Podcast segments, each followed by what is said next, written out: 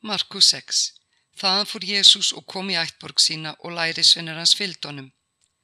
Þegar að kvíldadagur var komin tók hann að kenna í samkundunni og þeir mörgu sem á hann hlítu undruðu stórum. Þeir sögðu, hvaðan kemur honum þetta? Hver svo speki sem honum er gefin og þau kraftaverk sem gjörast fyrir hendur hans? Er þetta ekki smiðurinn, sonur Marju bróði þeirra Jakobs, Jóse, Júdasar og Símonar? Og er ekki sýstur hans hér hjá oss? Og þeir nexluðust á honum. Þá sagði Jésu, hverki er spámaður minna metinn en í landi sínu með frændum og heimamönnum. Og hann gata ekki gjört þar neitt kraftaverk nema hann lagði hendur yfir nokkra sjúka og læknaði þá. Og hann undraðist vantrú þeirra. Hann fór nú um þorpin þar í kring og kendi og hann kallaði þá tól til sín, tók að senda þá út tvo og tvo og gaf þeim vald yfir óhrinnum öndum. Hann bauðum að taka ekkert til ferðarinnar annað en staf, ekki brauð, mal nýja peninga í belti. Þeir skildu hafa skó á fótum en ekki tvo kirtla og hann sagði við þá. Hvar sem þér fáið inn, þar sé aðsettur yðar, unstir leggið upp að nýju. En hvar sem ekki er tekið við yður, nýja á yður hlít, þaðan skulu þér fara og hrista dustið að fótum yðar þeim til vitnisspurðar. Til lögð af stað og prétuguðu að menn skildi gjöra yðrun, ráku út marga í landa og smurðuðu marga sjúka með olju og læknuðu þá. Herotis konungu frétti þetta en það var nafn Jésu orði við frægt. Sögðu sumir, Jóhannes skýrari er risin upp frá dauðum, þess vegna eru kraftarnir að verki í honum. Aðrir sögðu, hann er Elíja, en aðrir, hann er spámaður eins og spámanitni fornu. Þegar Herotis heyrði þetta, sagði hann, Jóhannes sem ég létt hálsökva, hann er upp risin.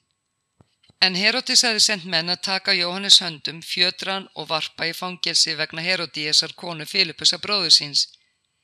Hann hefði gengið að eiga hana, en Jóhannes hefði sagt við Herotis, þú mátt ekki eiga konu bróður þíns.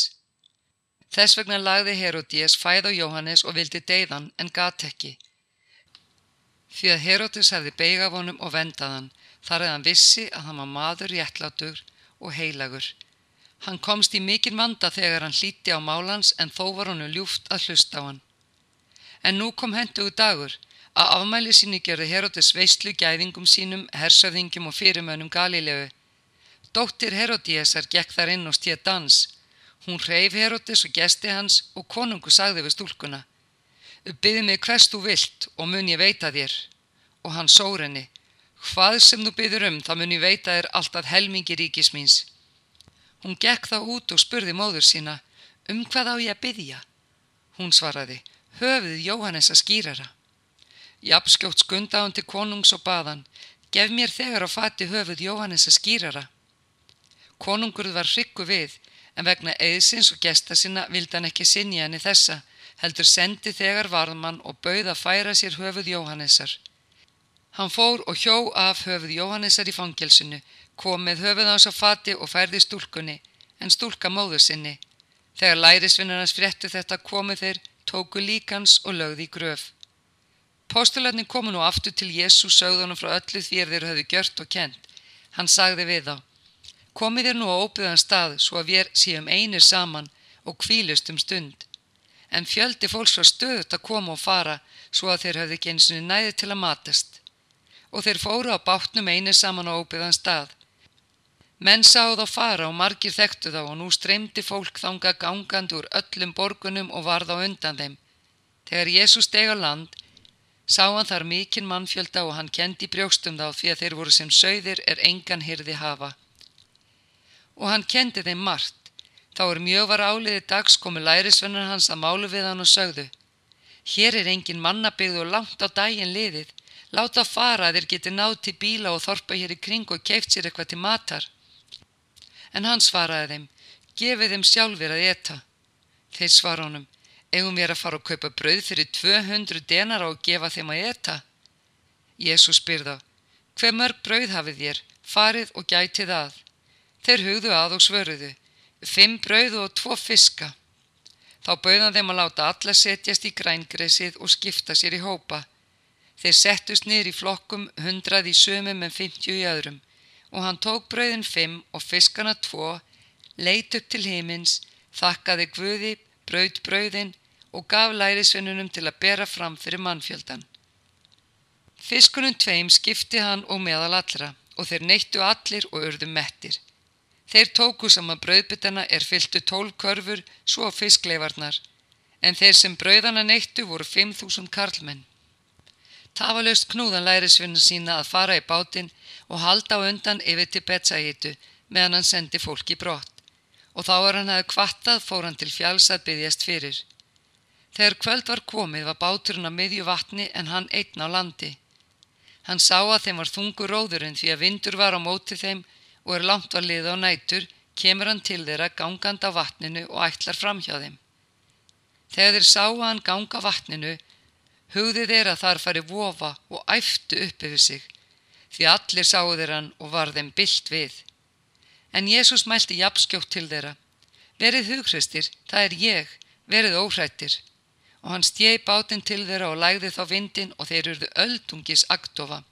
Enda höfðu þeir ekki skilið þar sem gjöst hafið með brauðin, hjörtu þeirra voru blind. Þegar þeir höfðu náði yfir um komu þeirra landi við Genesaret og lögðu þar að. Um leið og þeir stigur bátnum þekktu mennan og fólk tók að streyma fram og aftur um alltaf hér að og bera sjúklinga í burðarekkjum hvert ánga sem þeir heyrðu að hann væri. Og hvar sem hann kom í þorp, borgir eða bæi, lögðu menn sjúka á torgin og báðana þeir fengjur rétt að snerta fallklæða hans og allir þeir sem snertu hann urðu heilir. Markus 7 Nú sapnast á hannu farisegar og nokkri fræðimenn komni frá Jérúsalem. Þeir sáu að sömi lærisvinna hans neittu matar með vanhelgum, það er óþveiknum höndum. En farisegar og reyndar gýðingar allir eta ekki nema þeir taki áður handlugar og fylgja þeir svo erðavenju forfeðra sinna. Og ekki neita þeir matar þegar þeir koma frá torki nema þeir reynsi sig áður. Mart annað hafa þeir gengist undir að rækja svo sem að reynsa bykara, könnur og eirkalla. Farisegarnir og fræðumennitni spyrja hann, hvers vegna fylgja lærisveina þínir ekki erðavenni forfeðrana heldur neita matar með vanhelgum höndum? Jésu svarar þeim, Sansbár var Jésaja um yður hræstnarar, þar sem ritað er.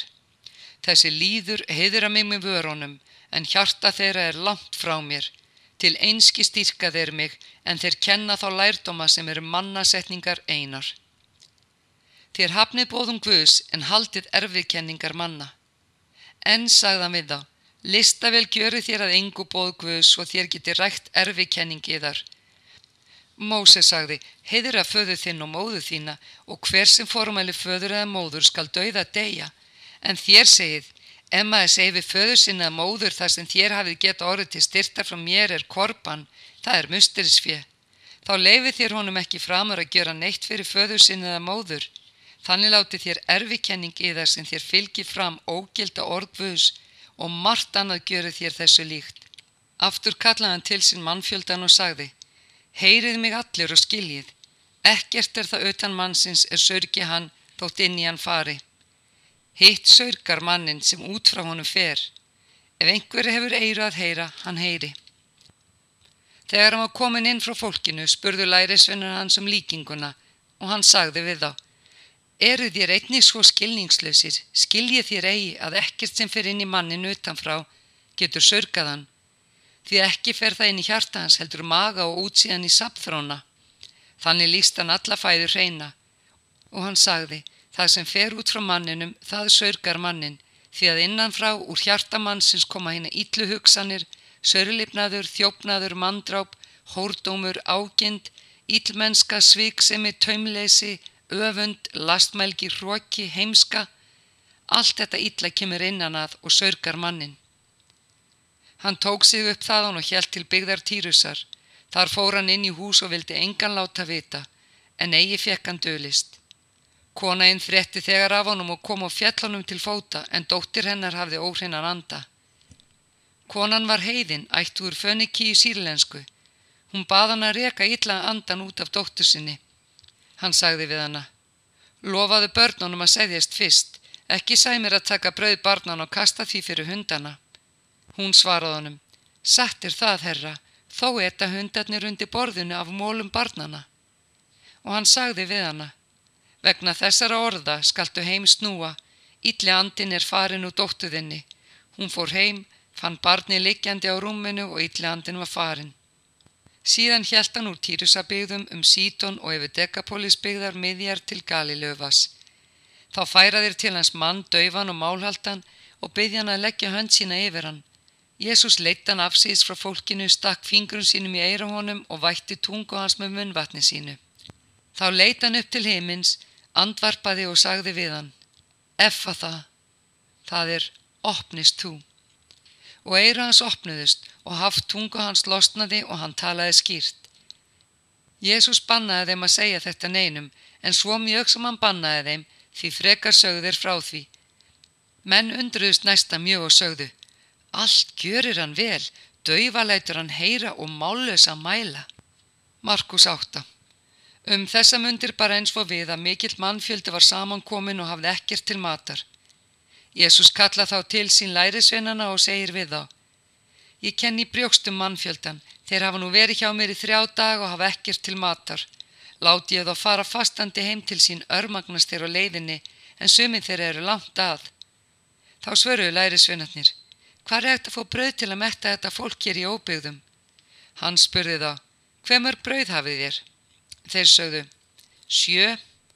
Þá bauðan fólkin að setjast á jörðina, tók brauðin sjö, gerði þakkir og brautu og gaf lærisvinni sínum að þeir bæruðu fram.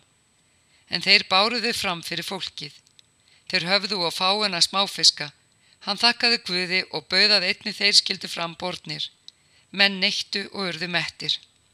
Síðan tóku þeir saman leifarnar sjö körfur, en þeir voru um fjórar þúsundir. Síðan leta hann þá fara og hann stéð þegar í bátinn með lærisunni sínum og kom í dalman út að byggðir. Þánga komu farið segur og tóka þrátta við hann. Þeir vildu freista hans og kröfða hann um tákn af himni. Hann andvarpaði þungan innra með sér og mælti.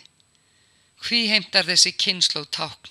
Sannlega segi ég yður, tákn verður alls ekki gefið þessari kynnslóð. Hann skildi síðan við á stíð aftur í bátinn og fór yfirum. Þeir hefðu glimt að taka brauð, hefðu ekki nema eitt brauð með sér í bátnum. Jésús ámyndi þá og sagði, Gætiði þar, varist súrdeg farisega og súrdeg herodesar. En þeir rættu sín á milli að þeir hefðu ekki brauð. Hann varði svís og segir við þá, Hvað er þeir að tala um að þeir hafið ekki brauð? Skinnið er ekki enn nýja skiljið, eru hjörtu við þar forhert. Þér hafið augu, sjáu þér ekki, þér hafið eiru, heyrið þér ekki. Eða munið þér ekki, þegar ég braud brauðin fimm handa fimm þúsundum, hver margar körfur fullara brauðbyttum tóku þér saman? Þeir svar honum, tólf. Eða brauðin sjö handa fjórun þúsundum, hver margar körfur fullara brauðbyttum tóku þér þá saman? Þeir svara, sjö. Og hann sagði við þá, skiljið þér ekki enn. Þeir koma nú til Betsæitu, þar færa menn til Jésu blindan mann og byggja hans nertan. Hann tók í höndins blinda leittan út úr þorpinu, skirpt í augans, lagði hendur yfir hann og spurði Sér þú nokkuð? Hann leit upp og mælti Ég sé menn og greinið á líkt og tré, þeir ganga. Þá lagði hann aftur hendur yfir augans og nú sá hann skýrt, varð albata og heilskign á allt.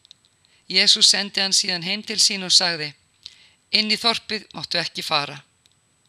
Jésús fór nú ástand lærisvinni sínum til þorpana frá Cesariðu Filippi. Á leiðinu spurðan lærisvinna sína, hvert segja menn mig vera? Þeir svöruð honum, Jóhannes skýrara, aðrir Elíja og aðrir einn af spámanunum. Og hann spurði þá, en þér, hvert segi þér mig vera? Pétur svaraði honum, þú ert Kristur og hann lagði ríkt á við þá að segja engum frá sér. Þá tók hann að kenna þeim, mannsónurinn á margt að líða, honum mun útskúfa verða völdungum, æðstu prestum og fræðimönnum. Hann mun lífláttinn en upprýs eftir þrjá daga. Þetta sagðan berum orðum, en Pétur tók hann á einmæli og fór að átælja hann. Jésús nýri sér við, leið til lærisvinna sinna, ávitaði Pétur og sagði, Vík frá mér, Satan, eigi hugsar þú um það sem Guðs er, heldur það sem manna er. Og hann kallaði til sín mannfjöldan á samt lærisvinnin sínum og sagði við þá Hver sem vil fylgja mér afneiti sjálfum sér tæki krossin og fylgi mér. Því að hver sem vil bjarga lífi sínu mun týna því og hver sem týni lífi sínu mín vegna og fagnaðarerendi sinns mun bjarga því hvað stóðar það mannin að eignast allan heiminn en fyrirgjöra sálu sinni? Eða hvað geti maður látið til endugjalds fyrir sálu sína?